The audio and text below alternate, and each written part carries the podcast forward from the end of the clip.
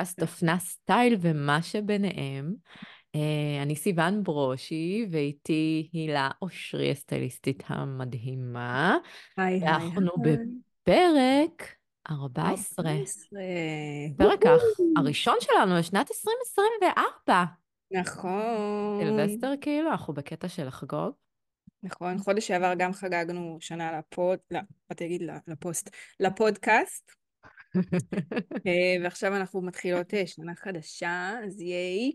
איזה מרגש היה המפגש שלנו ביחד. אנחנו צריכות וואי, לעשות את זה יותר. ממש. נספר ששבוע שעבר היינו אמורות להקליט פרק ביחד, אבל זה ככה קצת יפקשש, אז אנחנו עושות את זה שוב בזום, אבל לפעמים הבאות אנחנו כן ננסה אה, להיפגש יותר. ויאללה, תציגי לנו על מה אנחנו הולכות לדבר היום. אז היום אנחנו יכולות לדבר על נושא, אמ, אני מנסה לחשוב על, על, על, ה- על הטייטל, אה, להתלבש כמו אימא, יש דבר כזה בכלל איך להתלבש כמו אימהות אימא? מתלבשות? סגנון אימהי, אנחנו צריכות לחשוב על הטייטל. טוב, אנחנו עוד אה, כן נחשוב על זה. אז בואי נדבר על זה, תכלס, שנינו, ש- שתינו אימהות נכון. אה, לשלושה, ושתינו עברנו אה, זמנים של אה, אימא במשרה מלאה, ואימא במשרה חלקית, ואימא, ו, ואימא עובדת, אימא קרייריסטית. אה, ובעצם רצינו לדבר איתכן על מה, מה השינויים שאנחנו עוברות מבחינת אה, לבוש וסטיילינג ואיך הארון שלנו נראה אה, בתקופת אה, האימהות שלנו. מה זה היה? אני לא יודעת, פתאום קפץ לנו פה לייק על המסך. קפץ לנו לייק תוך כדי. מהמם. מה זה, מאיפה זה בא? משהו חדש של זום? או, שאנחנו לא מכירות? אני לא נגעתי בכלום. לא, זה מעולה, זה זמן להזכיר לכולם לעשות לנו לייק. גם תירשמו לערוץ שלנו בספוטיפיי, זה, זה גם גורם לנו להרגיש שאנחנו עושות עבודה טובה, וזה גם אה, מגדיל לנו את אה, כמות ההאזנות. נכון. אבל לא לשם כך התכנסנו. לא לשם כך התכנסנו. לא, זה היה מצחיק עכשיו. אז אה, מה השתנה בארון שלנו? בואי נדבר על זה תכלס. כשאנחנו הופכות לאימהות, מה, מה הסיפור? אז תראי, אני שאלתי גם כל מיני אימהות, גם באינסטגרם שלי וגם ככה בקבוצות של אה, אימהות שאני חברה בהן. עניין אותי באמת אה, לשמוע מעבר ללקוחות שאני עובדת איתם, מה נשים חושבות ומרגישות. ואני חושבת שמה ש... שעלה הכי הרבה זה עניין הנוחות, זמן, ו... והיכולת להתעסק בעצמי.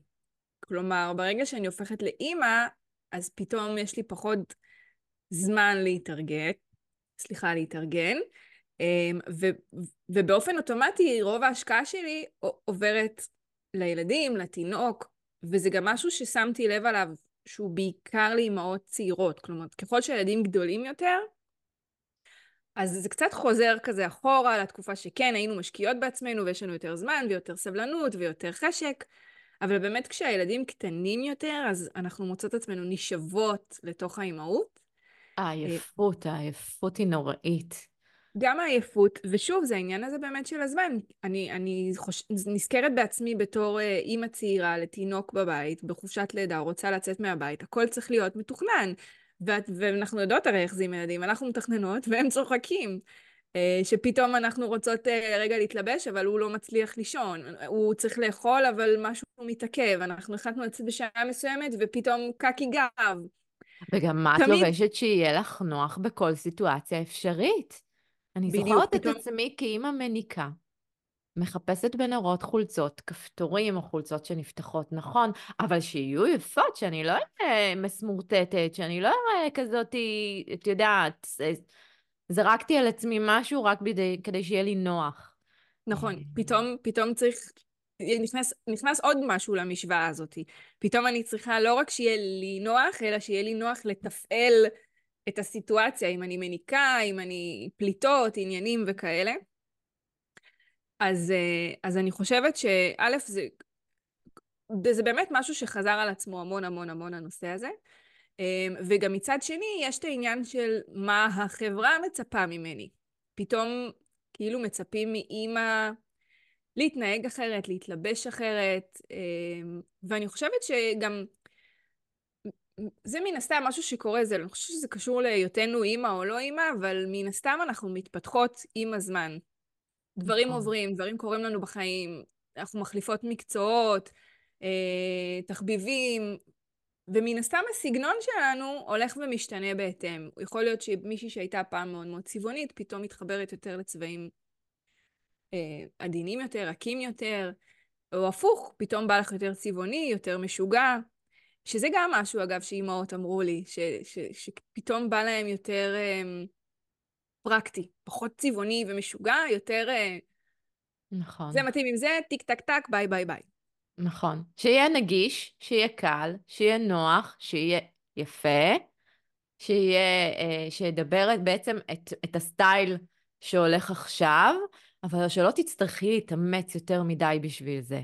כי בסופו של יום, אם אנחנו מדברות על אימהות, בעיקר על אימהות אה, ש... לילדים קטנים, כי שם, שם יותר העניין, של אה, את צריכה להתרוצץ איתם אחרי הגנים ולרוץ איתם אה, לגינה אה, אה, הקרובה או לחוגים, או... וכאילו את מוצאת את עצמך שללבוש אה, שמלת מיני או חצאית אה, קצרה עם עקב של אה, 7, 10 סנט... 12 סנטימטר למי שהתלהבה בעבר, לנעול דבר כזה פחות נוח לך, פחות פרקטי לך, את פחות יכולה לרוץ ולהתרוצץ עם הילדים הקטנים. אה, ובעצם אני חושבת שמה שאני, תשמעי, גם כשהייתי אה, אימא צעירה, הילדה הראשונה שלי נולדה כשהייתי אה, בת 28 סך הכל, וכל הארון שלי היה מחויית, סלאש מאוד מאוד מותאם לקריירה שלי ול... העובדה שאני עובדת באיזה מקום גדול ומגניב, וכולם מגיעים לבושים בטירוף, ו, אמ, ומטופחים, וכל הנשים מאופרות בטירוף, אמ, זה, זה כאילו פתאום שינה אצלי. גם העניין הזה של הדרישה של החברה ממך לצאת מחדר הלידה, כשאני אז הייתי בת 28, אז רותם סלע יצאה עם סקיני ג'ינס מחדר mm. הלידה. אני לא אשכח את זה. איך הדרישה של החברה מאיתנו... מתי את חוזרת לסקיני? מתי? את לא הספקת אפילו ללדת. לפני יומיים ילדת. את לא יכולה להיכנס לסקיני ג'ינס. מה נסגר? מה קורה? לא רוצה להיכנס לסקיני. זה לא נוח, זה קשה. את פצועה כולך, את לא רוצה... אה, לא יודעת, אני... אה, אני חושבת שיש משהו שבחברה שלנו שקצת נפתח והוריד מהלחץ בדברים מסוימים, כמו העובדה שקייט, לצורך העניין הגיבורה שלי פה זה עוד קייט מידלטון, אה, שהיא אה, אה, ילדה את הילד הראשון שלה, את הנסיך ג'ורג', והיא יצאה מחדר הלידה, מבית היולדות שהיא ילדה בו, עם שמלת תכלת נקודות, אני לא יודעת אם את זוכרת את זה. נכון. וראו לה בטן הריונית עדיין, ואז נכון. כולם הרימו גבה ואומרים, איזה בחירה מעניינת של מה שהיא לובשת. מה קורה? איך היא לא לובשת איזה מכנס או אה, בגד שיסתיר את הבטן ההריונית אה, שעדיין יש לה? כי אנשים... תשמעי, אישה שלא ילדה או גבר שלא ראה אישה אה, מימיו אחרי לידה, לא מבין ש... שהבטן לא יורדת תוך שנייה. זאת אומרת, התינוק יוצא, אבל זה לא אומר שהבטן תוך שנייה הופכת להיות שטוחה. וואי, לגמרי, תקשיבי, זה משהו שכאילו אני הרגשתי אחרי הלידה הראשונה של תואר, כאילו אמרתי לעצמי, למה אף אחד לא מדבר על זה? למה אף אחד לא אומר שיש בטן של חודש שישי? שנייה, אני כאילו באמת, בשיא התמימות, חשבתי, אני יולדת, זהו, אני כאילו, אין בטן. ופתאום בטן של חודש שישי, ולא רק בטן של חודש שישי, בטן ג'לי של חודש שישי. נכון. הכל מתנדנד כזה. אני לא אשכח את הרגע הזה שהסתכלתי על עצמי במראה אחרי הלידה של תואר, ולא נעים לי להגיד, אבל נגעלתי, פשוט נגעלתי וחטפתי איזושהי כף על הפנים, וזה גם נורא השפיע עליי, אני חושבת, נפשית, אמ, כי, כי גם תינוק חדש בבית, גם את פתאום, את, את לא כל כך ישנה, גם הגוף שלך פתאום מקבל איזה משהו הזוי שאת, שאת בכלל לא, את לא מכירה, את, מה זה הדבר הזה בכלל? מה קורה פה? והציצי הכואב? ואז, וזה שאת פצועה? וזה לגמרי, שאת עכשיו ואני... צריכה לדאוג לתינוק קטן שכל שנייה וחצי רוצה לנהוג? או לא לא משנה אם את לא, לא מניקה, זה בכלל לא רלוונטי, עדיין כואב לך.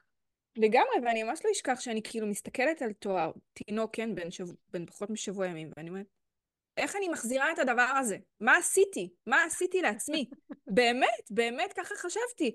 ואני לא מבינה למה כולם מתלהבים ממנו, ו- ו- ואני כאילו רק חושבת לעצמי בראש, מה אני עושה עכשיו?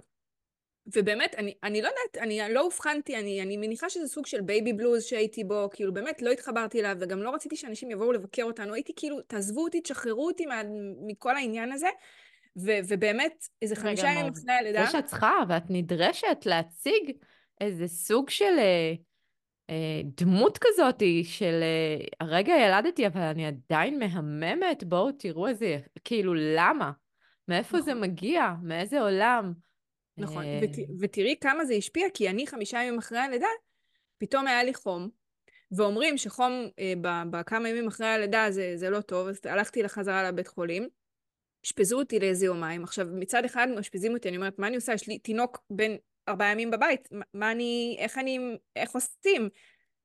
אמרו לי, אמא שלי, אחותי, חמתי עשו, חמותי סליחה, עשו uh, משמרות, עזרו וזה, ובאמת אני הייתי יומיים בבית חולים, וזה באמת, עכשיו לא מצאו כלום, כן? שום דבר. הרחם היה תקין, הכל היה תקין, כל הבדיקות היו תקינות, לא מצאו כלום.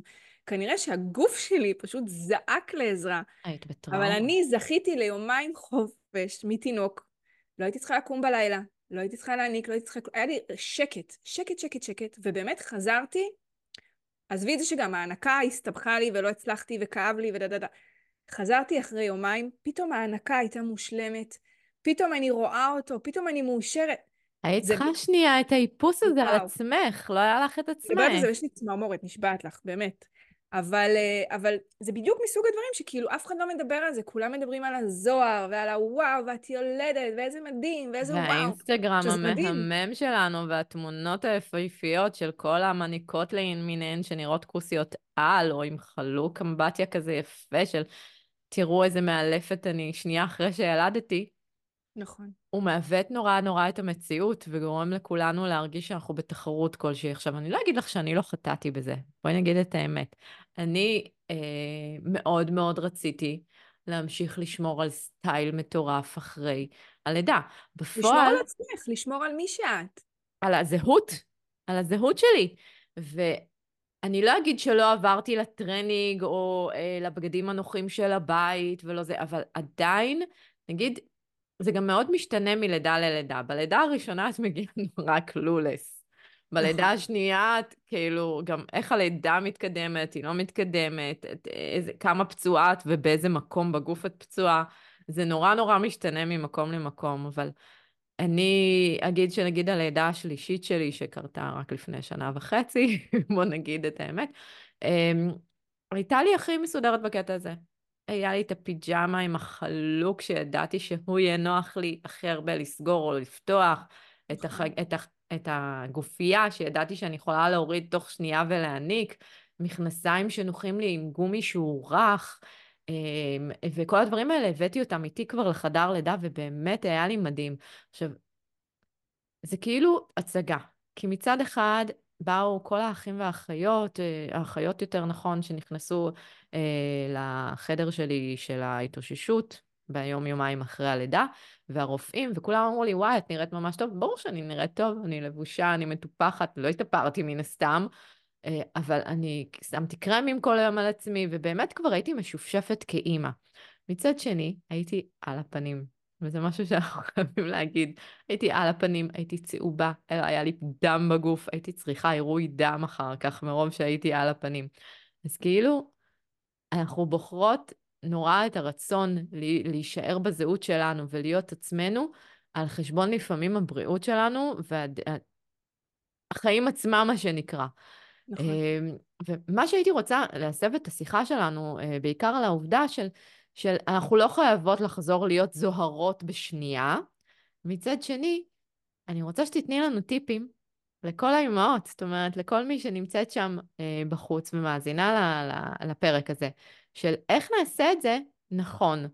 אני רוצה עדיין להיראות זוהרת, אבל אני לא רוצה שזה יהיה על חשבון הבריאות הפרטית שלי, על הנוחות שלי, אה, ועל העובדה שאני מתרגלת למשהו חדש. כן. אז, אז תראי, קודם כל, אני חושבת שמאוד חשוב בנושא המודעות, לדעת דיברנו על זה גם בפרק של האידיאל היופי, ברגע שאת כאילו מודעת לדבר הזה, ש, שמה שמצפים ממך הוא לא ריאלי, אז יותר קל לך לנדף את זה, להגיד, זה מה יש, תמודדו. אבל את אמ, מצפה מעצמך גם. ברור, ברור. להבין, להבין מה, מה אני מסוגלת כרגע. ואם אני לא מסוגלת, זה גם בסדר. ואם בא לי לא לפגוש עכשיו אנשים, זה גם בסדר להגיד לאנשים, אני ילדתי עכשיו, לא בא לי שתשבו לי רגע על הראש, כמובן להגיד את זה בדרך נעימה יותר, אבל, אה, אבל זה לגמרי משהו שהוא אה, אפשרי. ו, ו, וכן, כמו שאמרת, זאת אומרת, זה משהו שגם אני עשיתי, אני, אני לא זוכרת אם עשיתי את זה באמה בלידה השנייה או רק בתום בלידה השלישית, אבל גם משהו שאני עשיתי זה הבאתי את הבגדים שלי מהבית כדי להסתובב איתם בבית חולים, כי באמת הבנתי שהחלוק הזה של הבית חולים רק מוסיף עוד יותר לתחושה הזאת של, ה, של ההרגשה הכללית. אז הבאתי איתי בגדים מהבית שיהיו לי נוחים, ו, אבל עדיין אני ארגיש קצת לבושה, ללבוש משהו שייתן לך את ההרגשה הטובה יותר. Uh, כמובן שזה צריך להיות נוח, אז אפשר להשתמש בבגדים שהשתמשנו בהם עדיין uh, בתקופת ההיריון, כמו uh, uh, מכנסיים עם גומי, או אפילו מכנסי הריון, שזה צריך לשים על זה דגש תכף, אנחנו צריכות לרשום את זה. תכף נדבר. של ללבוש מכנסי הריון כשאת כבר... אחרי הריון. אחרי. ובאמת, באמת לבחור את הבגדים שיעשו לך הרגשה טובה, ואם עושה לך הרגשה טובה להתאפר, אז תתאפרי, ואם עושה לך הרגשה טובה ל... אני חושבת שאפילו בתום, אני, אם אני זוכרת נכון, יש מצב שהבאתי פן. הייתי ב... כי ב... זה מה שעשה לך טוב, לראות את עצמך מסודרת ונקייה. כן, כן. לא עכשיו התאפרתי או משהו, אבל כן, לפחות שהשיער יהיה מסודר, שאני לא צריך כל הזמן לאסוף אותו ו- ולהרגיש שהוא לא מסתדר לי. הייתי במלונית, אז היה לי כזה עוד איך... מה אכפת לי? אני לבד בחיים. אה, אז בקיצור, אני חושבת שמה שעושה לנו טוב, זה מה שאנחנו צריכות אה, לעשות וללכת איתו. ו... ואחר כך, ברגע שאנחנו כבר, את יודעת, נכנסות לאיזושהי שגרה, שגם זה מצחיק, כי תמיד השגרה משתבשת, כל כמה זמן היא, היא שוב משתבשת, ואז עוד פעם צריך לחזור לאיזושהי שגרה עד שבאמת הם נהיים ילדים, אה, ואז השגרה באמת הולכת לאורך זמן. אבל גם במהלך אותו שגרה זמנית, אז גם לנסות להבין איך, איך אני עושה את זה. אז אם נגיד זה לתכנן מה אני רוצה ללבוש יום לפני, ולא באותו רגע שאני צריכה לצאת, והתינוק בוכה ואני צריכה להכיל אותו. ו... אבל מה אני לובשת? איזה בגדים? איזה סגנון של בגדים אני לובשת? איזה נעליים? אז הסגנון זה כמובן כל אחת והסגנון שלה. תראי, אני חושבת שנגיד אני, כן היה חשוב לי להמשיך להתלבש גם במהלך חופשת הלידה. אז הייתי לובשת נגיד שמלות, ומעל זה איזשהו, קר, אה, לא קרדיגן, אה, כמו עליונית כזאת, בלייזר כזה, קימונו, לא בלייזר, סליחה, בלייזרים לא הייתי לובשת, קימונואים כאלה, שמצד אחד זה, זה נוח, ו, וזה לא מפריע לי אם אני רוצה להעניק, מצד שני אני מרגישה לבושה, אה, ומצד שלישי זה גם היה, הרגיש לי מחמיא יותר לגוף שלי כרגע. אה, זאת אומרת, זה לא, לא מבליט לי שום דבר, לא, לא מראה שום דבר, אה, ועזר לי באמת, לא אוהבת את המילה לטשטש, אבל לעשות את העבודה, בקיצור. למה? בואי, בואי שנייה רגע, נפתח את הסוגריים על המילה לטשטש. להגיד את המילה לטשטש זה לא מילה רעה בעיניי. אם את רוצה לצורך העניין לא להבליט כרגע שנשארה לך בטן מהלידה, זה בסדר גמור לתחושה האישית שלך. נכון. אבל גם יש דרכים לעשות את זה ברמת הסטיילינג, יש דרכים איך, ל, איך לא להבליט את הבטן שלך, למרות שבגדול אני מאוד מאוד נגד הדברים האלה, כי אם אנחנו מבליטות בהתלהבות את הבטן ההריונית שלנו וצועקים לכל עבר, תראו איזה יפה אני בזמן ההיריון, אל תצפו ש... מיד אחרי זה אני אהפוך להיות איזה קלאודיה שיפר או משהו בסגנון. לא, גם יש איזשהו מאוד uh, דיסוננס כזה, כאילו, כמו שאת אומרת, בזמן ההיריון זה נורא יפה וזוהר, ואנחנו לובשות צמוד ואנחנו משוויצות בבטן, ותמיד כשאנחנו מצטלמות אז יש כזה את התנוחה הזאת של הידיים, שכאילו, הנה תראו הבטן שלי, אבל בשנייה שאנחנו יולדות, שלא יראו שיש לי בטן. עכשיו, את, את ילדת, ברור שיהיה לך בטן. וגם אם זה חודש, חודשיים, אבל עד מתי? אחרי. ואת אומרת לעצמך, מה? אני אה, חייבת עכשיו, עברו, אבל... עברו שישה שבועות, מותר לי להתחיל לעשות ספורט, אז בוא נוריד את הבטן. והלחץ הזה מהסביבה של מה יגידו, ואיך אני עושה את זה. נכון, בדיוק, אבל גם אז לא כולן מצליחות להוריד את הבטן, לא כולן יכולות להוריד את הבטן. גם אם את מצליחה להוריד את הבטן ההריונית, יכול להיות שתישאר איזשהו קרס קטנה. אז אני אגיד מאוד... קצת מה אני עשיתי ב- ב- בשנה וחצי, בגלל שזה כל כך טרי אצלי, מה אני עשיתי בהיריון האחרון. קודם כל, אני, אה, אני כן רוצה לשים זרקור ל- לכאלה שמעצבים לנשים בהיריון. אני רוצה לתת זרקור מיוחד לאבישג ארבל, ואני אגיד גם למה. נכון, אומרים שהיא לא מאוד זולה, שהם לא מאוד... שהיא, הם, החנות, המעצמה הזאת כבר שנקראת, הם לא, הם לא מאוד זולים, אמ, אבל אני מאוד מאוד אוהבת את הסגנון שבו היא מעצבת בגדים לנשים. נכון. מהסיבה היחידה שמכנסי הריון, כמו שאמרת מקודם, לי הם עדיין התאימו אחרי ההיריון, פשוט כי היה להם את האופציה להקטין את האזור של הבטן שנמתח. אה, וכי אחרי הלידה אני עדיין השתמשתי בהמון המון סריגים גדולים, המון המון אה, דברים גדולים שקניתי יותר, גם אם הם לא היו מותאמים במיוחד להיריון. מאוד מאוד אהבתי את הקטע של הגדול, של נוח, של אני יכולה שנייה להרים את החולצה ועדיין יהיה פה מספיק בד כדי שאני אוכל להניח על התינוק או מה שזה לא יהיה. ו...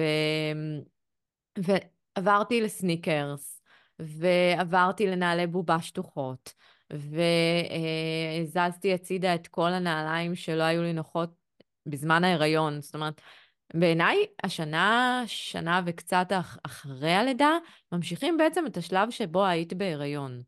את יכולה, את, את, את יכולה לחזור לסטייל שלך לאט-לאט, אבל זה לא חייב להיות בדיוק בלחזור למידה שלך. אגב, זה הדבר הכי הכי קשה שהיה לי לאחר הלידה הזאתי. אחרי הלידה הזאתי, זה היה הפעם הראשונה שהרגשתי שהאגן שלי לא חזר לממדיו אה, הקודמים, ובעצם כל הג'ינסים שהיו לי בארון, כל הבגדים שהיו לי בארון אה, מלפני ההיריון הזה, והיו לי קטנים, היו לי צפופים, הוציאו לי את הבטן, הרגיש לי שהם לא מחמיאים לי, פשוט שחררתי. אמרתי, אני לא מתכוונת עכשיו להילחם על הגוף שלי, לחזור למידה שלי לפני ההיריון. זה משהו שאנחנו גם צריכות לדבר עליו. כשאת אימא אחרי ההיריון, מותר לך להשקיע בעצמך בבגדים. גם בזמן ההיריון מותר לך להשקיע בעצמך בבגדים. כולן אומרות, וואי, עכשיו אני בהיריון, בשביל תשעה חודשים, בשביל תקופה כל כך קצרה, אני אקנה בגדים בכל כך הרבה כסף? התשובה היא כן. תשקיעי בעצמך. אם זה עושה לך טוב, אם מרגיש לך שאת צריכה עדיין להיראות צצת על חלל בעולם הזה, ואת אה, צריכה להשקיע בבגדי הריון, תשקיעי. תשקיעי. כמו שאת משקיעה אה, כל עונה במספר פריטים, גם בהיריון תשקיעי במספר פריטים שישמשו אותך. הם לא ישמשו אותך רק לתשעה חודשים האלה, הם ישמשו אותך גם לשנה של אחרי. הם ישמשו אותך כנראה בתקופות שתהיי ביניים, שפתאום הבטן נפוחה. אולי לעוד הריון גם. אולי עוד הריון גם. אה, לא לשחרר כל כך מהר את הבגדי הריון. ולא נכון. לוותר עליהם באופן כללי, באופן, כאילו, באופן נחרץ הכוונה. נכון. אמ, אני. לגמרי מסכימה עם זה שכן צריך להשקיע, אני אומרת את זה במרכאות, כי, כי זה גם לא חייב להיות בכסף. אפשר יד שנייה, אפשר לקבל פריטים מאנשים שהיו בהיריון, אפשר להמשיך לקנות בגדים שהם לא בגדי הריון, פשוט במידות יותר גדולות. אני רואה מלא שעושות את זה, והן כאילו מתלבשות כאילו הן לא בהיריון, אבל רואים שהן בהיריון. וזה באמת... כל הקטע של ה oversize מאוד מאוד חזר לאופנה, זה בסדר גמור. נכון, אבל לא, לא קשור ל oversize, פשוט לקנות את הגזרות שאת אוהבת ואת הדברים שאת אוהבת, פשוט במידה שתיים יותר גדולות כדי שילוו אותך את תקופת ההיריון, ילוו אותך אולי אחרי, ילוו אותך אולי להריונות הבאים, אבל כאילו אני משווה את זה, נגיד, כמו שאת אומרת, אה, למה שאני אשקיע איזה תקופה כל כך קצרה? אז כאילו, בואי נשווה את זה רגע לתינוקות שאנחנו אה, יולדות. אנחנו קונות להם בגדים שאנחנו יודעות שהם יספיקו לשלושה חודשים, חצי שנה, שנה, אבל אחר כך אנחנו צריכות להחליף. אנחנו, אנחנו קונות בידיעה שזה זמני, אבל כשזה לעצמנו... קשה לנו יותר, נכון? בדיוק. ממש בדיוק. קשה לנו. אגב, אם אנחנו כבר מדברות על קשה יותר, אני אה, נסעתי עם חברה למילאנו לטיול שופינג בתקופה ההיא של הלידות הראשונות יותר שלי, כדי לקנות, אה, רציתי נורא חופשה לעצמי. גם היא הייתה זקוקה נורא לחופשה לעצמה. ובסופו של יום מצאתי את עצמי קונה לעצמי המון בגדים, אבל היא לא הצליחה לשחרר. כל הנסיעה הזאת היא רדפה אחרי חנויות לבגדי ילדים. היה לה מאוד מאוד חשוב לקנות להם. ואני כל פעם אמרתי לה, איפה את בכל הסיפור הזה? למה את לא משקיעה בעצמך בבגדים? היא לא הצליחה לראות את עצמה. היה לה מאוד מאוד קשה להשקיע בעצמה בתור היותה אימא, ולא בילדים רק. זאת אומרת, יש לנו מין קטע כזה שאנחנו הופכות אה, להיות אה, אימהות, שאנחנו רוצות שהם יהיו מושלמים, תראו איזה, להציג אותם עבור החברה, מה שנקרא, ולהראות, תראו איזה מהמם הילד שלי, איזה מהממת הילדה שלי, איזה מדהימה, איזה בגדים, איך אני משקיעה בה. ואז מאחורי הילד ומאחורי הילדה אה, ניצבת האימא. אתם, צריכים, אתם צריכות לזכור את זה, ניצבת האימא. ואם את, את לא חייבת להיראות כאילו את יוצאת עכשיו לאיזה ערב עם חברות, או אם את, אה, אה, את כאילו, תתלבשי יפה ובנוחות, ושיהיה בסטייל, אבל שיהיה סטייל שנותן לך ומאפשר לך להמשיך את החיים שלך ברגיל. אה, אם זה אומר שהמכנסיים יהיו נוחים יותר, ואם זה אומר שהחולצות שאת לובשת הן לא חולצות, הן לא חולצות מבדים סינתטיים כרגע, כי פחות נוח לך עכשיו שיהיו דברים שהם לא נעימים על הגוף. אני פחות, אני פחות כאילו התחברתי למשפט שאמרת לי, להמשיך להתלבש בסטייל, כי כאילו שוב, זה, זה איזושהי ציפייה כזאת שאולי מתנגשת עם המציאות. אני יותר... למה? אבל סטייל זה לא אומר לא נוחות.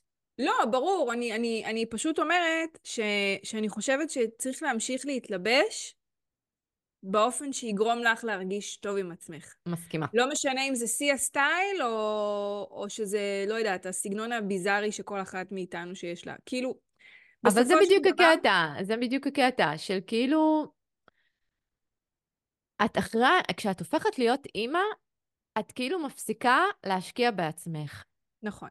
אני כאילו במסר של תמשיכי להשקיע בעצמך. זה ברור, זה ברור, זה, זה ברור. כאילו, כן, כן לקחת את העוד רגע הזה כדי להתלבש, במרכאות, ולא לצאת עם הטרנינג או המכנסיים שהם כבר כזה חצי בלויים, והכפכפי Havaianas, והקוקו, אה, שטפתי הרגע את הבית. Havaianas זה נורא נוח. Havaianas זה נעליים לים, לבריכה, מסכימה, אבל זה נורא לא נוח. לא נעליים להסתובב איתם. וכשאת רצה להוציא את הילד מהגן, בא לך משהו נוח. אז בסדר, אוקיי, אז, אז נקנה כפכפים יפים. יש, יש המון כפכפים שהן מאוד נוחות, שהן לא, אבל יאללה. באמת, כאילו, אני רואה את זה המון על אימהות שהן באות לי עם הוויאנס האלה, ואני אומרת להן, זה לים, לבריכה, בבית, בחוץ, נעליים. או כפכפים יפים. יש כאילו, אין כן, ספור. נעליים, נעליים, ספור, אה, לא, גם נעלי ספורט. גם ספורט. בדיוק. סניקרס מהממות. אני רואה לפעמים נשים שהן כאילו מתלבשות אה, יפה, כאילו התלבשו טוב, כי אני לא רוצה לחלק פה דרקונים, זה לא עניין שיפה לא יפה, התלבשו טוב, אבל בסוף יש נעלי ספורט למטה. כזה, זה אפילו לא נגיד... נעלי ספורט זה לא אמרה, זה לא משהו רע. זה לא משהו רע, אבל זה... את הסניקרס היפים. שהתאימו לך לאאוטפיטים. אגב, הבדל. בואי נשים, איזה סניקרס מגניבים עכשיו וסופר סופר טרנדיים זה Samba למשל. אה, אבל הן מאוד אה, יקרות. Adidas Samba. אוקיי, תגדירי יקר, כי אם את משקיעה בזוג נעליים 1, 2, 3, לעומת שאת תשקיעי עכשיו בעשרות נעליים, אני לא נכון. לא בטוחה ש-400 שקלים לזוג נעליים זה מאוד מאוד יקר. כי את משקיעה את זה במגפונים, את משקיעה את זה במגפיים איכותיים. תלוי את מי את שואלת. אוקיי. אני, נכון, אני פשוט חושבת אז לא חייבים, אפשר גם את ה... בואי, אני קניתי את החיקוי של אה, אדידה סמבה ב-60 שקלים באורבניקה. ואני אף אהבתן. אז תראי, יש נגיד, נגיד אם אני לוקחת את ה-New Balance, שהן גם כן מאוד כזה טרנדיות עכשיו, מאוד uh, תפסו, והן גם יפות בעיניי, um, והן אחלה תחליף לנעלי ספורט, שזה נגיד סניקר זה זה, או פשוט נגיד ללכת על הריבו קלאסיק, אדידס קלאסיק, uh, שהן מאוד עדינות. פשוטות, כן. והן פשוטות, והן באמת כאילו קל לשלב איתן כמעט הכל. Uh, אבל נגיד, uh, אז נגיד ה-New Balance שהן נחשבות יחסית ליקרות, יש גם את הווג'ה, שהם גם נכון, מהממות. גם 600 שקלים לזוג. אה, אז נכון, יש כאלה שיגידו, אני מעדיפה להשקיע את ה-600 שקל האלה עכשיו לנעל. אבל יש גם את אותם נעליים בסטייל, אותה, אותו סטייל של ה Veja, אותו נכון. סטייל נכון. של הסניקרס האלה. פשוט נכון, שיש סניקרס... יש חיקויים, אבל גם בחיקויים אני חושבת שצריך כאילו לשים לב שאת לא באמת קונה, נגיד עכשיו קנית ב-100 שקל, אבל היא מחזיקה לך לעונה, ואז כל עונה את קונה, ובסופו של דבר יצא לך את אותה השקעה, כמו אם היית קונה את אותם Veja, New Balance. אני מסכימה, להשקיע לטווח ארוך זה תמיד יותר טוב. אז, אז זה גם משהו ששווה לחשוב עליו, אבל אני גם יכולה להבין, בתור אחת שהייתה במצב שלא היה לה כסף אה, לקנות בגדים, אז מן הסתם נעליים ב-600 שקל זה, זה לא היה אופציה. אני מניחה שיש עוד המון נשים אה, במצבים האלה. אז בקיצור, אז אני יכולה להבין את, אה, אם יש נשים כאלה שהן במצב הזה שאין להן את היכולת להשקיע 600 שקל ב, בזוג נעליים אחד, ברור ומובן. אה, סתם זה עניין של שיקולים אה, כלכליים בסופו של דבר. אבל נגיד לצורך העניין, אני עשיתי שיתוף פעולה עם ביוניק לפני... ביוניק מדהימים. שלוש, לא זוכרת כמה זמן. וגם קיבלתי מהם איזושהי סניקר שמאוד דומה לניו בלנס. ואני חושבת שהיא עולה איזה 300-200 שקל באתר, משהו כזה, ש- שמצד אחד היא איכותית, מצד שני היא לא כל כך יקרה לעומת ה-New Balance. אה, כן, יש, תשמעי, יש המון המון אופציות. כחול לבן. כחול לבן, לא לשכוח, כחול לבן. גם כחול לבן, ויש המון המון אופציות שאנחנו יכולים בעצם אה, אה, לרכוש בהתאם. אני כאילו חושבת ש... בסופו של יום יש לנו המון המון, במיוחד מאז שהסניקרס והקורונה וכל מה שקרה לבגד, בבגדים שלנו שהם הפכו להיות נוחים יותר אה, ויומיומיים יותר, קל לנו יותר לעשות את ה... את ה ללבוש מכנס מחויית עם סניקרס, ללבוש אה, אה, אה, מכנס מחויית עם שריג ולא עם חולצה מכופתרת. פתאום האופנה הפכה להיות קצת יותר נעימה, יותר קוזי, יותר אה, אה, בגדים שהם מבדים שהם יותר נעימים וטובים.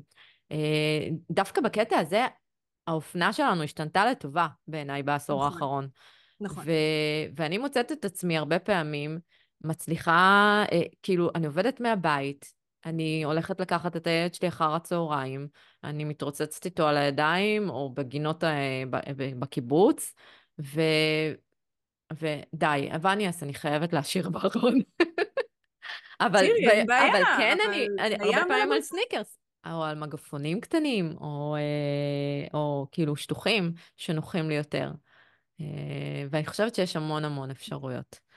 נכון. בואי, בואי נעשה כזה מעבר חד לקולקציות מגניבות שמשלבות אה, אה, אימהות, ילדים, משפחתיות, קולקציית מיני-מי. קולקציית מיני. נורא, כן.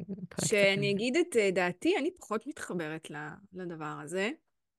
כל העתק הדבק כזה שעושים גם בין ילדים, וגם כזה קולקציית משפחת, לי אישית פחות מתאים. אני חושבת שהעולם מתחלק לשניים בקטע הזה. נכון. אני מאוד מאוד אוהבת, מאוד מאוד מתחברת, לא בקטע של לקנות את אותם, נגיד איזו אותה פיג'מה, לי ולבת שלי, לא, ממש לא. אלא בקטע של אה, לקחת אה, אה, פריטים מסוימים שיש להם בארון ולי יש בארון ולהתאים. אה, אני לא אקנה לילד שלי, לצורך העניין, היו שנים שקניתי אה, לי מעיל אור, ואז ראיתי מעיל אור לקטנטן, ואמרתי, יואו, אני חייבת. אבל זה לא בדיוק אותו דבר, זה פשוט לבשנו פריטים דומים, דומים, ואז זה יוצא מינימי. אנחנו לא חייבים להתאים את זה ברמת החולצה שכתוב עליה אותו דבר, או השמלה, שאני עכשיו אלבש שמלה שנראית יותר ילדותית, והילדה שלי תלבש שמלה שהיא נראית יותר בוגרת, ושתינו נראה אותו דבר. לא, זה לא ברמה הזאת עם מינימי. מינימי זה אומר לקחת את הנושא ולעשות אותו יחד. לגרום לנו כמשפחה, אם תראי צילומי משפחה שכולם לובשים חולצת לבנות וג'ינסים לצורך העניין, מאלף בעיניי. זה מטריף, זה מהמם.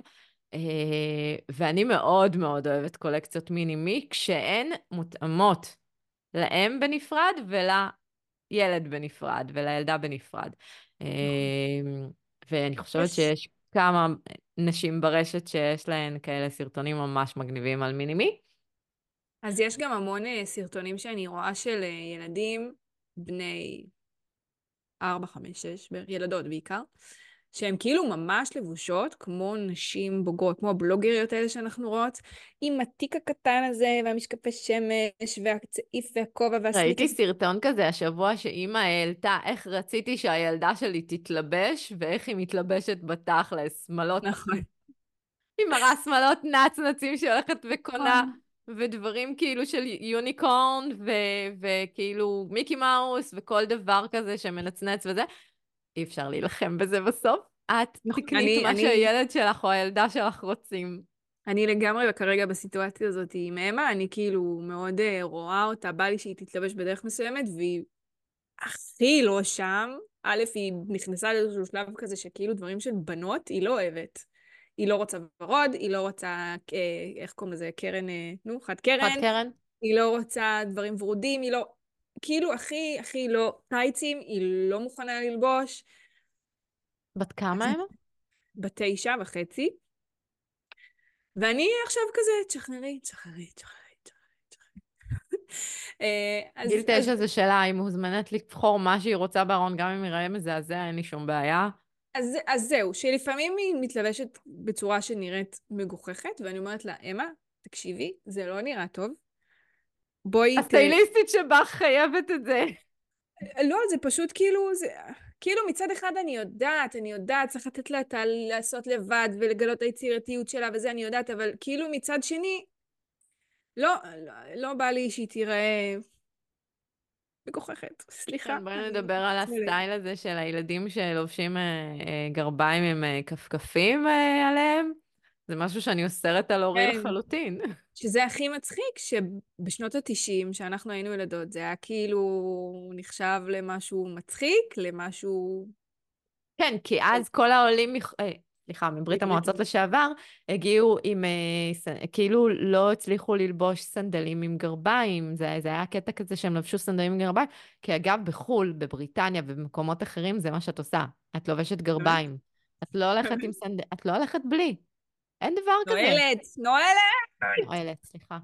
הולכת, נועלת, לובשת, נועלת, נועלת. אמ, אז, אז זהו, שכאילו בשנות ה-90 זה היה ביג נו נו, והנה עכשיו הצעירים, הילדים של היום, הנוער, הולך עם זה בגאווה. אני מודה שגם אני פחות, אני חושבת, אבל שוב, זה גם משהו שעלה לי כשעשינו את התחקיר לפ, לפרק הזה, הקטע הזה של ה... לקבל שינויים. כאילו, אם נגיד אני מסתכלת על הלקוחות שאני עובדת איתם, מה 90 הדבר אחוז- שהכי נתקלת בו באמת בארון של. מישהי?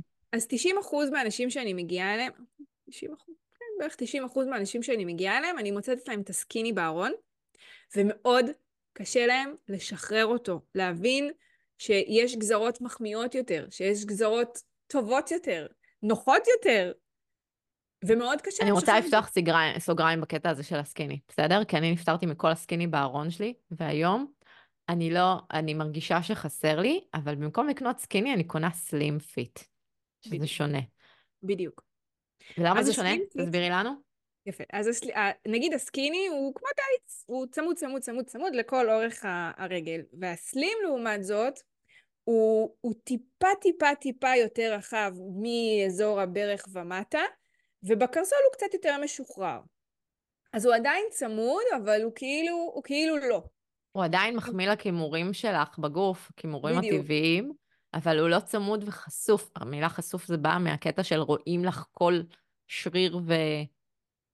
בדיוק. ו- ו- והרבה פעמים אני, אני כאילו מראה לנשים האלה למה גזרות אחרות הן יותר טובות, והן מסכימות איתי. אבל עדיין אני רואה שקשה להן להיפרד מהסקיני, זאת אומרת, הן פחות משחררות את זה מהארון שלהן. יש כאלה שכן מבינות את זה ועושות את זה, ויש כאלה ש- שאני רואה כמה קשה להן. שזה מתקשר לי למה שדיברנו עליו עם הקטע של הגרביים וה, והסנדלים, או הכפכפים, כי כאילו אנחנו, מן הסתם יש לנו איזושהי תבנית בראש, ו- וגם אם האופנה משתנה, לנו קשה לקבל את זה. ובמקרה של הסקיני, דווקא זה לא עניין של אופנה שהשתנתה, זה פשוט הבנה שזה לא הגזרה הכי נכונה שיש.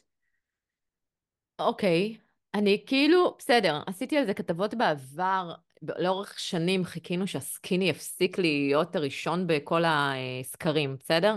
בכל הרווחים הכי גדולים, כל החברות ניסו להוריד את הסקיני מה, אה, מהטופ במשך שנים, וכל מדורי האופנה ניסו להגיד כל פעם מחדש מותו של הסקיני, מותו של הסקיני, סיומו של, של תקופת הסקיני. לעולם אה, לא מת, לעולם לא מת. ולא, הוא כבר לא, הוא כבר לא בטופ. כבר לא בטופ מזמן, מאז הקורונה בערך, הוא נפל, הוא כבר לא בטופ. עדיין זו גזרה שהרבה מאוד אוהבות אה, לשים בארון שלהם, ואני אני לא כאילו, לא באה אליהם בטענות. אני חושבת ש, שיש נשים מסוימות שהסקיני מאוד מתאים לגזרת הגוף שלהן. וזה כמו שאת שמה טייץ ואת מרגישה הכי בנוח והכי אה, מחמיא לך. טייץ. נכון, כמו שאת לובשת טייץ. אה, את יכולה, את יכולה להמשיך לתקן, אותי חופשי על העברית שלי. לא, תשמעי, האמת היא, תראי, נכון, יש נשים שכן, הסקיני מחמיא להם, אבל לרוב... שזה כאילו, זה הכי מצחיק... מה- למה זה... זה, זה קצת מצחיק אותי, כי כאילו, אנשים שאני מפגשת אותם באות ואומרות לי, תקשיבי, אני לא מתחברת לזה שרואים את הבטן שלי ורואים את הירכיים שלי ואת ה, ואת ה, ורואים שהישבן שלי גדול, אבל מצד שני ממשיכות ללבוס סקיני ש, שחושף את זה לכל העולם. לעומת גזרות שהן קצת יותר משוחררות, שיעזרו לעצב את הגוף, לגרום לעין לראות את הגוף אחרת. תלוי אמ, מה את רוצה לשדר, תלוי איזה סגנון את רוצה ללבוש באותו יום, תלוי מה את... כי תשמעי, את יכולה להגיד את זה בעצם על כל גזרה, נגיד למה לשים פדלפון? האם הוא מתאים לאנשים? אני לא יכולה לסבול את הגזרה הזאת, אבל היא יפה לנשים מסוימות. אמ, אני כאילו, גזרת, אה, גזרה רחבה, wide leg לצורך העניין, היא יפה לנשים מסוימות, בעיקר אלה שגבוהות מאוד. אני לא רואה את עצמי מטר שישים ושתיים, לובשת וייד לג ובלי עקבים לצורך העניין, ממש גבוהים, כי אני מרגישה בהם שזה עושה אותי יותר גמדה. אז, ת- אז, אז עוד פעם, זה עניין של עם מה את מה לובשת? את זה. עם, לא, גם עם מה את לובשת, כי הווייד לג הזה, נכון, לפעמים הוא, הוא, הוא, מאוד ארוך, ואז נשים שהן קצת נמוכות, יש מלא עודף בד למטה, שזה עוד משהו שאצל הנוער, כאילו לא מפריע להם העודף בד הזה, הם ילכו עם כל העודף בד הזה. הם לא יעשו מכפלת. אבל זה- זה זה- כי אנחנו לא אימהות פולניות ששגעו להם את המוח לא, זה לא כבר. קשור לאמהות פולניות. העודף בד הזה הוא לא מחמיא, הוא מעוות את הפרופורציה. ואז נגיד מישהי כמוך, סבבה, אז אולי זה מרגיש לך אה, אה, מקצר כי יש קצת עודף בד, אז אולי צריך טיפה לקצר, אולי צריך להתאים את זה אלייך. לא, זו הגזרה שפחות פחות מתאימה, או שפחות מוצאת חן בעיניי, אפשר לומר. בדיוק. אז תראי, יש, יש מאוד הבדל בין מה נכון תיאורטית, לפי חוקי הסטיילינג, במרכאות, ויש מה אני אוהבת. שזה גם משהו שאני הרבה פעמים אומרת ללקוחות שלי, תקשיבי, יכול להיות שהדבר הנכון לך זה א', אבל את בכלל לא אוהבת ב'. אז מה זה משנה אם אני אלביש אותך בכל האלפים הכי יפים שיש, ואת לא מרגישה בזה טוב? בסופו של דבר זה מה שיוצא החוצה. אז, אז, אז אם נגיד רק הבט מתאים לה, סבבה. אז אני אלמד אותה איך להוציא מהבט את המקסימום, איך להתאים אותו אליה, איך לשלב אותו נכון. אז נגיד הסקיני. אפשר להמשיך ללבוש אותו, אבל צריך לשים, צריך באמת לשים לב, נגעתי במיקרופון, צריך לשים לב לעניין של האורך של המכנסיים, אם יש עודף בד, אין עודף בד, גבוה, גזרה גבוהה או גזרה נמוכה, חולצה בפנים, חולצה? בחוץ, הכל צמוד או, או החולצה קצת משוחררת. יש פה איזה נעליים את משלבת, יש פה המון המון המון המון פונקציות, אמ, ו- וזה בדיוק, זה בדיוק התפקיד של הסטייליסטית, זה לא לבוא ולהגיד, אני לא, לא באה לחלק לך דרקונים, זה אה, חמישה דרקונים, זה... לא, זה לבוא ללמד אותך מה נכון לך, ואם מה שנכון לך פחות מתאים לך, אז סבבה, בואי ניקח את מה שאת אוהבת ונוציא מזה את, ה- את הטוב, את הכי טוב שאפשר. כן. אה, ושכחתי מה רציתי להגיד, ברח לי. מה. בואי רגע נשים שנייה אה, את הזה פוקוס ונדבר על אה, מה עוד כתבת לך בתוך המחברת, כי אני רוצה נורא שנגיע ל, לכלל הדברים שרצינו לדבר עליהם. דיברנו על, אמרנו החזה נשי סקסי בעד ההנקה, כל הנושא של הנוחות, מה שאמרנו. האמת שבא לי לדבר קצת על הקטע שיש ג'ינס שהוא כאילו לא אימהות, מה, מאם ג'ינס. אה, יאללה. אז במעבר חד, באותו מעבר. אה, וכל העניין של התמודדות עם הגוף קצת דיברנו. אה, רגע, אה, דיברנו עכשיו על הקטע של הסקיני או לא סקיני והגזרות. נכון, ויש מלא מלא פונקציות. ובואי נדבר על מאם ג'ינס. בדיוק, אז שזה עוד קטע, שכאילו... מה זה הגזרה יצרו- הזאת? למה עושים לנו גזרה מיוחדת לאימהות? באיזה קטע? יצרו גזרה שהיא, שהיא כאילו מיועדת לאימהות, שזו אגב הגזרה שאני הכי אוהבת, ולמה אני הכי... עכשיו, רגע, שנייה, צריך לשים פה גם איזושהי אה, נקודה, כי המאם ג'ינס יכול מאוד להשתנות מחברה לחברה, זאת אומרת, יכול להיות שמאם ג'ינס בחברה אחת יהיה אה, משוחרר יותר, או צמוד יותר במותן אבל משוחרר יותר ברגליים, ובחברה אחרת הוא יהיה קצת יותר צמוד לאורך כל הגוף. זה, זה קטע, שזה... ג'ינס מטורף, אגב. יש כמה חברות שאני אוהבת את המאם ג'ינס שלהם, ואני חייבת להגיד. אני מצאתי slim mom, סבבה? המילה slim נורא נורא הפתיעה אותי, ואמרתי, מה, יש דבר כזה? טוב, בואי נמדוד, ב Pull and Bear, ומדדתי, והוא, וואו.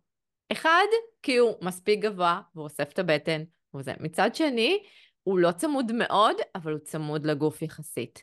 ואז ההרגשה הוא שבאמת הוא כביכול נוח, אבל הוא עושה את ה... הוא נוח, אבל הוא יפה עלייך. זאת אומרת, הוא גורם לך להיראות מאוד מאוד אסופה ומאוד... ש... תלוי גם, כמובן, כמו שאמרת, תלוי מה את לובשת את זה בסופו של יום. אבל לא מצאתי מצב שהוא לא יחמיא לי, גם עם טישרט, גם עם חולצה מכופתרת, גם עם... כל דבר הוא ממש ממש יפה על הגוף. ועוד מאם ג'ינס שכולם שואלים אותי כל פעם שאני לובשת אותו מחדש, של קוקו. קוקו קולקטיב. קוקו, כן. וואו. תקשיבי, אין על הג'ינסים של קוקו קולקטיב. הם, אה, יש להם המון גזרות אגב, כל מיני, אבל המאם שלהם, אני מצאתי בו את הג'ינס החרוש שלי. הכי חרוש שלי. תלכי לי לינק אחר כך. אני אשלח לך לינק. אמ, אז אני מצאתי את הג'ינס מאם המוצלח, אה, אני, האמת בכלל, אני אוהבת את הג'ינסים שלהם במנגו. נכון, מנגו מעולים גם. אני חייב, מנגו וזארה, אני חייבת להגיד שבעיניי יש להם את הג'ינסים המוצלחים מבחינת גזרות ומבחינת כן? אה, בד. וואי, עם זרה רק, רק הסקיני שלהם פעם היה טוב, אבל אני לא אוהבת שום ג'ינס שלהם עליי. אז אני גם אוהבת את המאם שלהם, אה, ושוב, אני גם אוהבת, זה בגלל הבד שלהם, כי ג'ינס טוב זה ג'ינס שהוא ג'ינס אמיתי. אה, כן. מכמה שיותר כותנה, 97-99 אחוז כותנה, וישר הוא על הסטן. אה, אבל גם פה, גם צריך לשים לב, כי נגיד, אני יכולה להכפיש? מותר לנו להכפיש? פחות. אז אל תגידי את השם. תגידי מה אז... את פחות אוהבת, את של מי את פחות אוהבת. אז uh, להגיד את השם? להכפיש? זה לא להכפיש, זה להגיד את מי את פחות חושבת שהוא מתאים לאימהות, הג'ינס של מי. אז זהו, אז נגיד יש, זה לא עניין של ג'ינס של אימהות, זה ג'ינסים בכלל, הייצור של ג'ינס בכלל. חברת קסטרו. את תסתכלי על הטיקט שלהם, רשום 99% כותנה. מהמם. אבל אחרי לבישה אחת, אפילו לא לבישה אחת, אחרי שלבשת אותו כמה שעות אחרי, הוא פתאום מתעוות. הוא כאילו פתאום משנה את הצורה שלו כבר על הגוף. ו... וזה כאילו מבאס. עכשיו, גם אפשר להרגיש את זה כשאת נוגעת בבד של הג'ינס עצמו. נגיד, תגעי בבד של הג'ינס של קסטרו, הוא כאילו, הוא טיפה דק כזה ועדין, לעומת הג'ינסים של נגיד מנגו, זה שהם יותר קשיחים, יותר עבים. זה מה אה, שרציתי להגיד, הכל תלוי בסופו של דבר בהרכב של הבד, ומה מוצלח יותר ומה פחות. אז מנגו לגמרי ב ten top שלי, לגמרי. Pull and Bear זה הפתעת השנה מבחינתי, כי אני לא קונה שם כלום בחיים, לא, לא נכנסתי לחנות הזאת. לא שנים שם, לא נכנסתי אליהם שנים. אבל הג'ינס, הסלים מאם שלהם, מוצלח בטירוף, והנה אנחנו עושות פרסומת כיפית כזאתי. וקוקו קולקטיב, שגם להן מגיע, זה גם ככה, זה מותג ישראלי, זה מותג שעובד לפי uh, מימון המונים, הוא, uh, אם לא קראתם עליהן עד עכשיו, אתם יכולות לחזור לפרק של אופנה ישראלית שלנו ולשמוע עליו גם. לא uh, ממומן מה שאנחנו אומרות. לא ממומן, חבל אגב. לא ממומן וחבל. לא ממומן וחבל. אה, אז, אה, אז, אז כן, זה כאילו מצחיק שבאמת יש כאילו ג'ינס על שם האימהות. עכשיו, למה הוא כאילו אה, ג'ינס אימהות? כי כאילו הוא צמוד באזור המותניים, אבל מאזור היריחיים ומטה הוא מתחיל להשתחרר כזה. אבל הוא כאילו, נגמר. הוא כאילו עדיין צמוד ביריחיים, אבל לא מאוד צמוד ביריחיים. הוא גם נגמר למטה.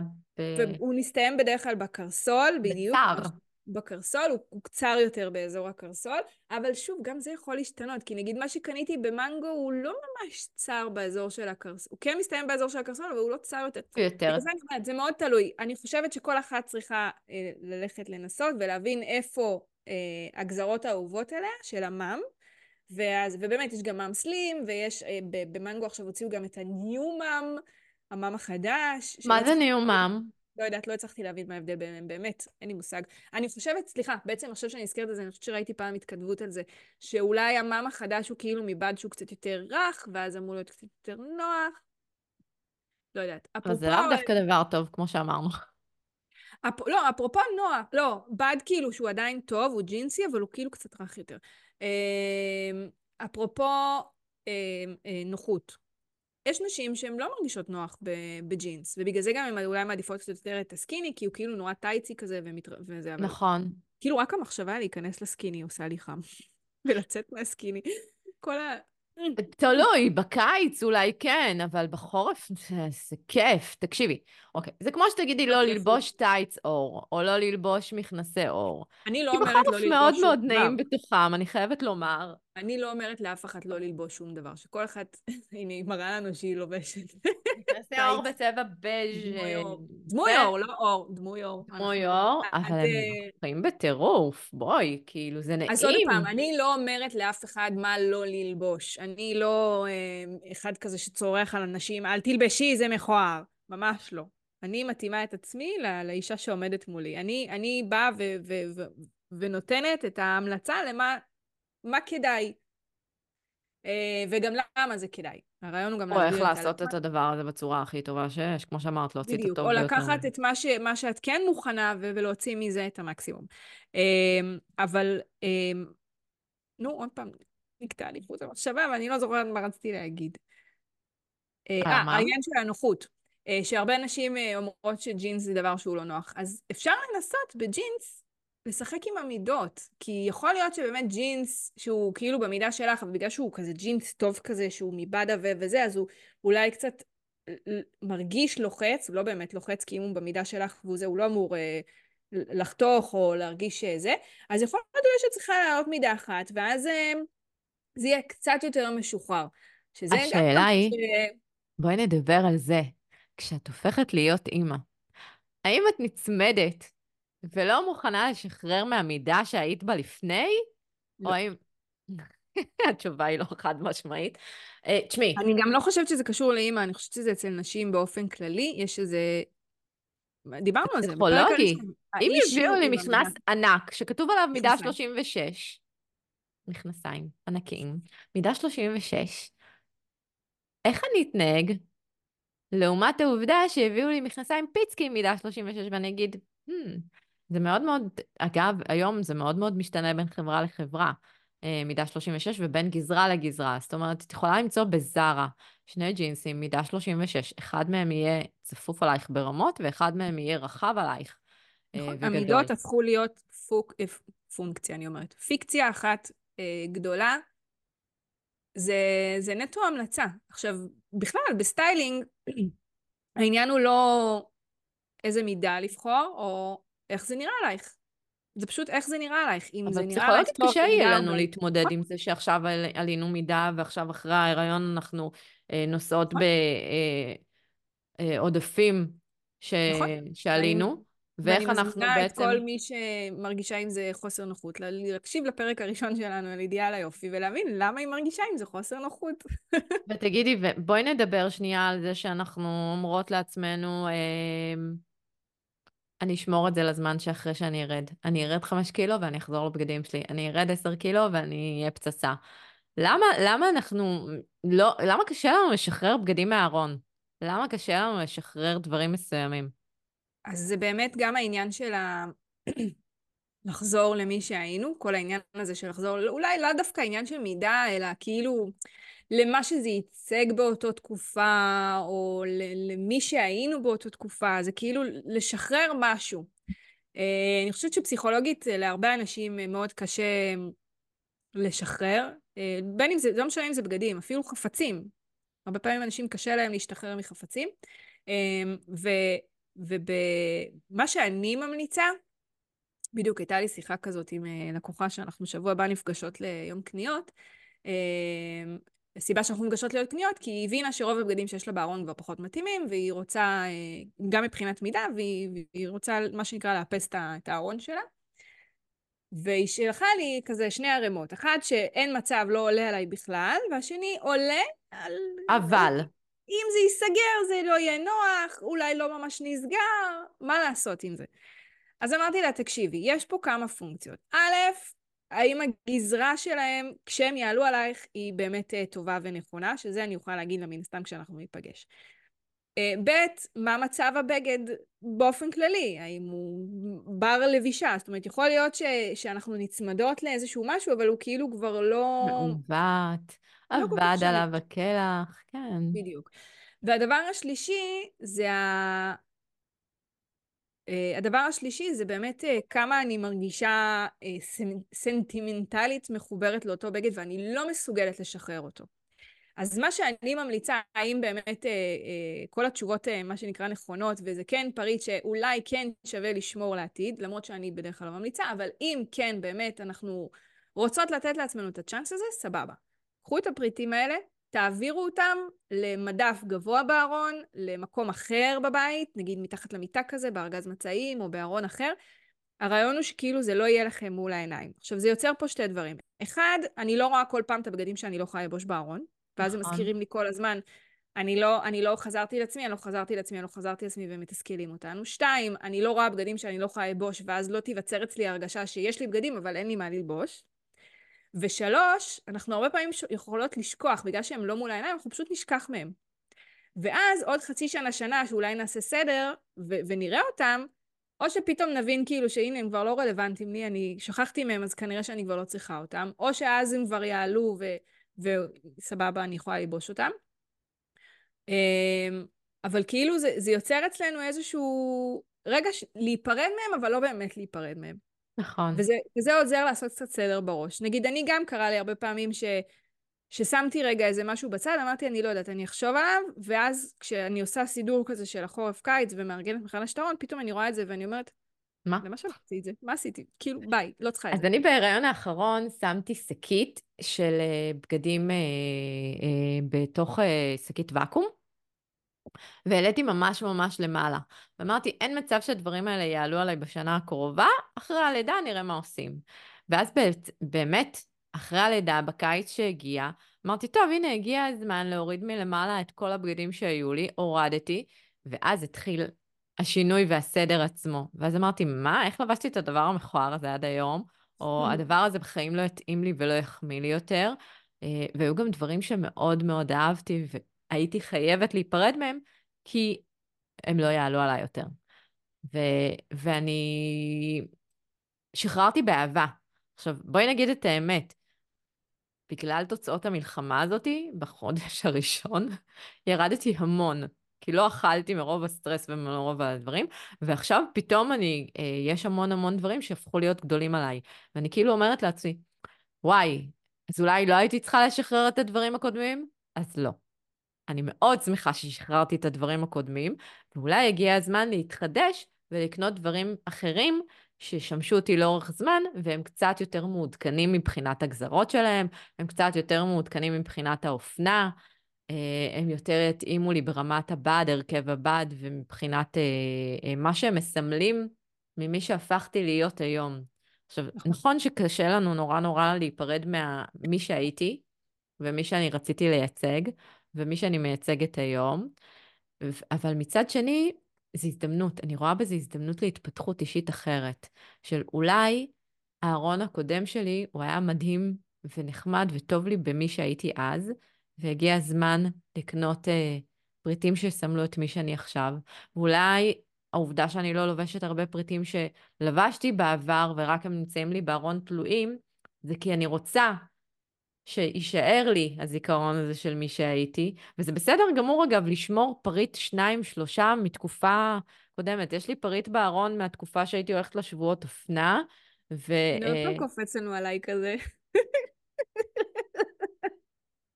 זה משהו עובר על, על, על הזום היום, אוקיי. בקיצור, יש לי בארון, אופנה. יש לי בארון אה, מעיל בומבר אגב, שזה הדבר עכשיו, עכשיו, נכון. אה, שעובר, אבל הוא בצבעי ניאון. אז הוא- אני לא. אלבש אותו. זאת אומרת, הגזרה כן, הצבעים לא. אה, אבל אני שומרת אותו כי אני נורא נורא אהבתי את הפריט הזה. אני זוכרת שהגעתי לשבוע האופנה בלונדון, והייתה שם מעצבת שמכרה את מרכולתה אה, לפני הראנוויי עצמו, וכל כך עפתי על הגזרה ועל הבד ועל הסגנון ועל, ועל מה שקרה שם, שפשוט הבאתי אותו הביתה, וזה עלה לי מלא, זה עלה לי הון, בסדר? אבל זה יושב בארון מבלי שאני לובשת אותו, כדי להזכיר לי דברים מסוימים, וזה עושה לי טוב, וזה גם בסדר. נכון, אין, שוב, הכל, הכל בסדר. כאילו, גם אם אנחנו רוצות לשמור בגדים כי, לא יודעת מה, זה השמלת חתונה שלנו, כי זה הבגד שלבשנו בברית של הילד, זה בסדר, אין שום בעיה. תשמרו אותו אם זה בקטע של... זה כמו לשמור אה, תמונה, לצורך העניין. נכון. סבבה, אין בעיה. שמרי אותו, אבל כאילו שזה לא יהיה פשוט כ- כמשהו שהוא, שהוא מול העיניים כל הזמן. אה... השאלה גם שוב, אם את שומרת את זה בארון בידיעה שזה נשמר לצורך המזכרת, סבבה, אבל אם את שומרת את זה בידיעה שאני אחזור ללבוש את זה יום אחד, אז, אז פה זה קצת בעייתי. ופה אבל זה מה שכל הפאשיניסטות הגדולות עושות. אני חייבת להגיד שזה נורא מטריד אותי, כי כאילו אני עברתי שינוי מאוד מאוד גדול בארון, דיברנו על זה כבר במיליון פרקים בערך, והארון שלי היה מטורף. תקשיבי, ברמות שאי אפשר היה למצוא כבר כלום. היה לי כמויות של שמאלות הזויות, והיה לי כמויות של נעליים בלי סוף, והיו לי אה, מלא ג'קטים ומלא מעילים ומלא, מלא מהכל, בסדר? מלא חגורות ומלא בלי סוף של דברים. ואני יכולה להגיד שהמון דברים שמסרתי חוזרים עם הזמן. ויש המון פאשיניסטות שיש להם ארונות בגודל של בית, בסדר? שכל פעם שחוזר משהו, או כל פעם שיש אירוע מגניב, תמיד יהיה להן מה ללבוש. זאת לא המטרה שלנו. המטרה שלנו בסופו של דבר זה שהארון ישרת אותנו, ולא שאנחנו נצטרך להתחיל לחפש עכשיו במשך שעות מה רציתי ללבוש שבוע הבא באירוע ההוא, או ב... ב... לא יודעת מה, ושהבגדים שלנו ישמשו אותנו ברמת היום-יום. אז אני יכולה אה, להגיד לך שלדעתי, רוב הנשים האלה עם הארונות המפוצצים, שאת רואה מלא מלא מלא בגדים, והארון נקי, ודדדה, דווקא הן הכי מתקשות למצוא מה ללבוש כשהן רוצות, בגלל העומס, בגלל הבלגן הזה שיש מול העיניים, בגלל שיש שפע, יש יותר מדי, אז מה אני עושה עם זה עכשיו? יש יותר מדי, אבל דברים שלאו דווקא רלוונטיים לעכשיו, שדווקא נכון. מתאימים לי. ודווקא, אני, אני, זה הקטע שאני תמיד רואה את זה אצל כל הבלוגריות האלה שתמיד מקבלות מלא בגדים ועושות מלא שת"פים, והן כל הזמן מצלמות, והנה קיבלתי עוד חבילה, והנה עוד חבילה, והנה עוד חבילה, ואז פתאום הן עושות מכירה. פתיחת ארון. תראו עם ticket, תראו עם ticket, תראו עם ticket. אז כאילו, אז, אז... למה את לא משאירה את זה אצלך? מה קרה? למה בחרת לקדם את זה? לא מהקטע הזה, אבל כאילו, הנה, תראי, כאילו, יש לך מיליון בגדים בארון, אבל בסופו של דבר לא באמת לבשת את כולם. וזה בדיוק okay, אוקיי, העניין, אבל נגיד... שנייה, רגע, זה יופי. אם אנחנו מדברים על בלוגריות שבעצם מרוויחות מהיותן אה, בלוגריות, גם אימהות אגב, אני מאוד מאוד מעריכה סטייליסטיות מסוימות שהן אימהות, אה, אה, והן עושות שת"פים עם חברות גדולות, והן עושות שת"פים עם כל מיני מעצבים, והרבה פעמים שולחים להם את הדרופ החדש כדי כן. לקדם אותו. כשאת נמצאת במצב שאת כאילו כאשת עסקים עושה את זה ואת חייבת לבחור בדרופ כל מיני פריטים, את תבחרי אותם ואת תקדמי אותם, אבל לא בטוח שזה יתאים לך ללבישה היומיומית. ופה כאילו, זו אמירה שאת רוצה להגיד, אוקיי, אבל תהיו אותנטיות ותבחרו רק דברים שאתן ממליצות עליהן באמת, אבל איפה עובר הגבול? ואנחנו דיברנו על זה, אני חושבת, באחד הפרקים שלנו. כן. אני חושבת ש... אה, אני, לא, אני, כאילו, אני כן חושבת שהן בוחרות את ה... כאילו, את הדברים שיתאימו להן, למרות שאני מודה שאני רואה לאחרונה הרבה פעמים כאילו דרופים חדשים שהן מפרסמות, אבל נגיד שלוש או ארבע בלוגריות שמפרסמות את אותם פריטים. אז כאילו, או שבאמת כולן עפו על כולם ובחרו בדיוק את אותם פריטים, או שפשוט אמרו להם, זה מה שאנחנו רוצות שתקדמו. שזה ו... גם אופציה. כן, לגמרי. התפקיד שלך כאילו... בסופו של יום זה למכור את זה, איך תעשי את זה, איך תשווקי את זה לצרכנים שלך. זה, זה כבר משהו אחר, אה, אבל אני פחות מתחברת לזה ברמה של אה, פותחת ארון ומשחררת המון המון פריטים, שאת אומרת לעצמך, וואי, זה מגניב מצד אחד, הן משחררות פריטים, ואז הן כאילו, יד שנייה אנחנו אוהבות, ואנחנו רוצות אה, בסופו של יום לשמור על הסביבה. מצד שני... שני... כל הצריכה הזאת, מ- מ- צריכה במרכאות, מיותרת מלכתחילה. כן. אבל מה שאני כאילו אומרת זה ש...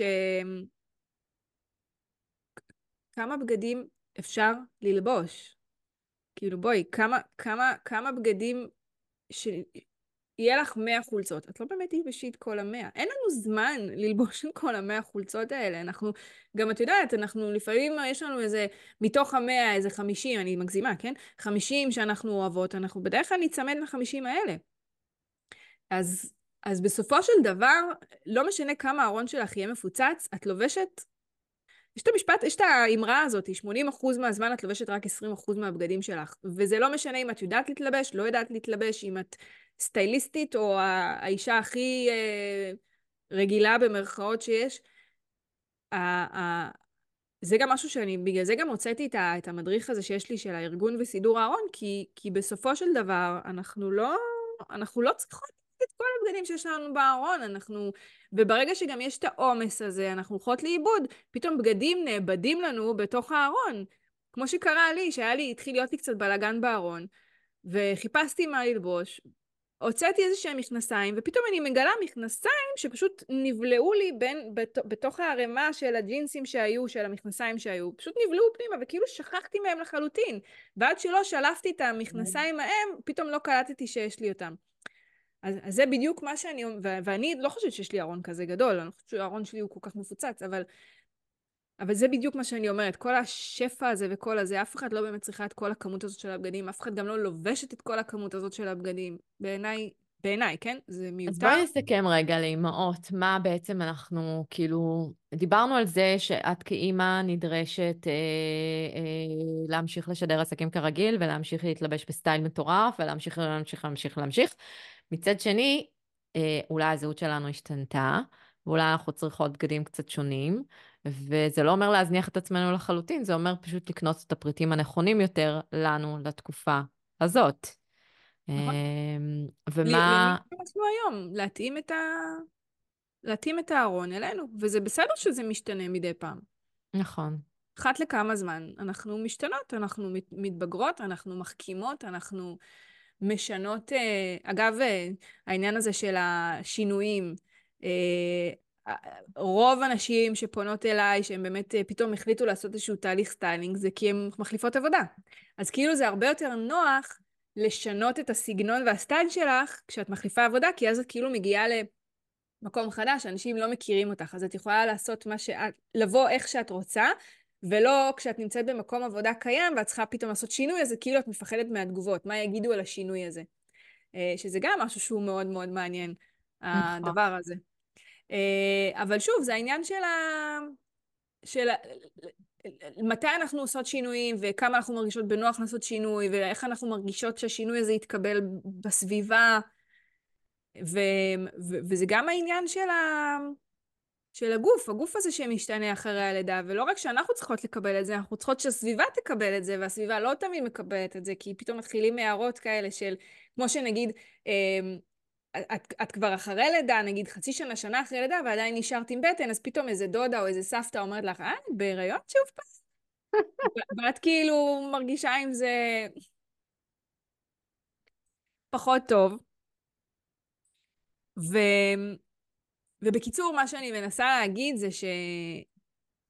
אפשר שאנחנו... לשנות את הארון שלנו בהתאם למי שאנחנו ולמי שהפכנו להיות, וזה בסדר גמור. צריך. אני רוצה שנדבר גם על הצבעים. חושבת שיש הבדל בין הצבעים שבחרתי לפני שהייתי אימא לעומת מי שאני בוחרת היום בארון? אנחנו הופכות להיות יותר מתונות אחרי? או הפוך? אז, אה, אז, אז, אז אה, נגיד כשהאימהות שאני דיברתי איתן אמרו לי שכן, שנגיד פתאום הדפסים פחות מתאימים אליהם, מעדיפות דברים יותר חלקים, יותר רגועים בעין, אה, פחות דברים מקושקשים, ויש כאלה שאולי הפוך. שחור ש... יותר, כהה יותר, פחות לבן. כן, אבל פה אני חושבת שזה גם נובע, שוב, בעניין של השינוי גוף, שכאילו, שלא יראו, כי שחור זה מרזה, בולשיט. כן? כן? לא, אני דווקא נתקלתי בזה יותר בעניין של לא רואים לכלוך. שפחות רואים לכלוך. על שחור? כי, אוקיי, שחור ספציפית אולי לא, אז, אז אבל לבן, כאילו, תתלכלכי מכל שטות שהילד ישים עלייך בערך. נכון. נכון, נכון, כן. אני חושבת שכן, בעיקר לאימהות אה, צעירות לילדים קטנים, אז כן, אה, בהחלט אה, כל הקטע של הבהיר זה משהו שהן נמנעות ממנו. מה תגידי על כל האימהות? תראי, עוד פעם, זה, זה עניין של החלטה. אני אישית לא הייתי נמנעת, כאילו, אני מדברת על עצמי ממש, כשאני הייתי אה, הולכת נגיד לאירועים משפחתיים וזה, והיה בא לי ללבוש בעיר, הייתי לובש בעיר, התלכלך, התלכלך, יאללה, מה אני אעשה, כאילו? מה את אומרת על כל האימהות שלובשות אה, בגדי ספורט? לא כי הן עושות ספורט, לא כי הן הלכו לחדר כושר. אז, אז זהו, זה בעיניי, אני כאילו, אני אישית, שוב, אני מדברת על אני אישית, חושבת שבגדי ספורט צריכים לשמש, צריכים ללבוש אותם כשעושים ספורט. אני פחות מתחברת ל... כאילו, אני, אני יותר אוהבת ללבוש בגדים כבגדים ובגדי ספורט כשעושים ספורט. אבל עוד פעם, אני חושבת שזה גם תלוי סגנון, כי יש המון נשים ש... שזה הסגנון שלהם, הבגדי ספורט, ואז אפשר לגמרי לסגנן את זה ולהפוך את זה למשהו מגניב כזה, עם, אה, עם ז'קט, ו... או עם איזה פוטר מגניב כזה, או איזה גופייה מעניינת, כאילו ממש אה, לשדרג את זה ולהפוך את זה ל... למשהו כזה סטייל, שאגב, אה, אני מקווה שבקרוב אני גם אפרסם על זה פוסט. שוב, אני אישית פחות מתחברת. אני חושבת שבגדי ספורט זה לספורט, מי שזה הסגנון שלה, סבבה. לכי על זה. טוב, למדתי המון בפרק הזה, כמו תמיד. וואי, כן, האמת שממש, שוב, פרק מעניין. נו, מה לעשות? אנחנו סופר מעניינות.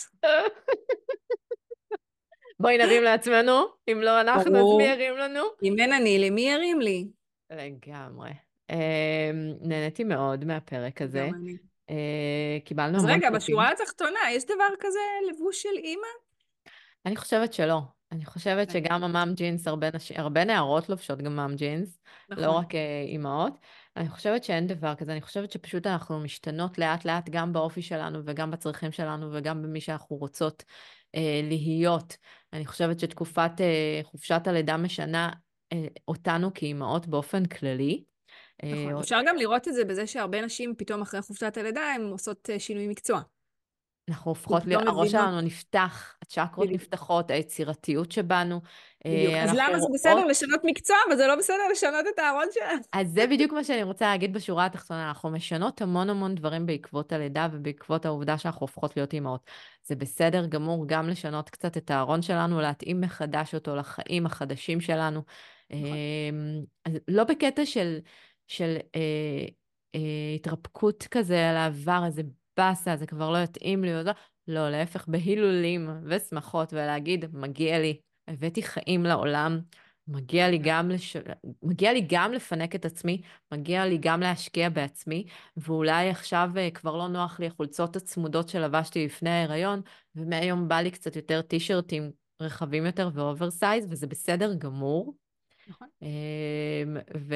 ללמוד, ללמוד מי אנחנו ומה אנחנו עכשיו, ולהתאים, ו- וכמו שאנחנו עושות את ההתאמות מסביב, אז גם בארון. גם בלבוש. כן. זה, זה, זה גם, זה כאילו זה, זה אחד מדבר עם השני, כאילו אני, אני לובשת את מי שאני. נכון. אז תודה לכל מי שהאזינה לנו. איפה שומעים אותנו? שומעים אותנו בספוטיפיי, אפל פודקאסט, גוגל פודקאסט, ובכל מקום שאתם שומעות את הפודקאסטים שלכם. אפשר גם לצפות בנו ביוטיוב, למי שרוצה לראות אותנו, את המימיקות שלנו ואת הבגדים שלנו. את הפנים המשעממות שלנו, את הפנים המתלהבות שלנו, את ההתעסקות שלנו בשטויות מאחורי, כשמישהי אחת מדברת בשנייה פחות. ותודה רבה. נתראה בפרק הבא. להתראות. ביי אוש.